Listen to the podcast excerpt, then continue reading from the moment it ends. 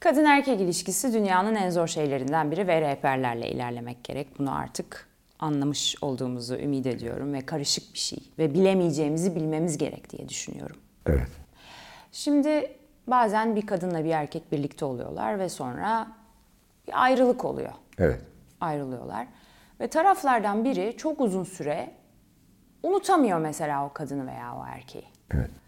Ee, burada ne önerirsiniz hocam? Çünkü bu üzüntünün de herhalde mesela bazı kültürlerde yaz tutulabilir tabii. 3 sene, bazılarında 1 sene. Ama bazen bu çok uzayabiliyor. Kişi takılıp kalabiliyor oraya. Şimdi bir istiyorsa bir kadın o isteğinin peşine düşmesi gerekir. Bir istiyor. Şimdi diyelim ki elma almak istiyor. Evet. Şimdi elmanın ona gelmesi mümkün değil. evet. Onun elmaya gidecek. Burada da elmaya nasıl gidile- gidileceğini öğrenecek. Elmayı istediği sürece. Bu kişinin, bu kadının diyelim o zaman kendi içindeki üzüntünün ne anlama geldiğini önce anlaması gerek. Öğrenmesi lazım. Hmm. Bu erkek beni istemiyor. Bir profesyonele soracak.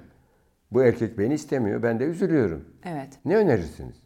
Yani ağrısı olan birisi gibi. Doğru. Ortopediste gitmek gibi. Mesela. Hatta şimdi ağrı merkezleri yani ağrı uzmanlık dalı çıktı. Doğru. Umu- İnşallah kadın erkek ilişkisiyle de ilgili çıkacak hocam. Emek Bekliyoruz veriyorsunuz sizden. olacak. İnşallah sayenizde sağ olun.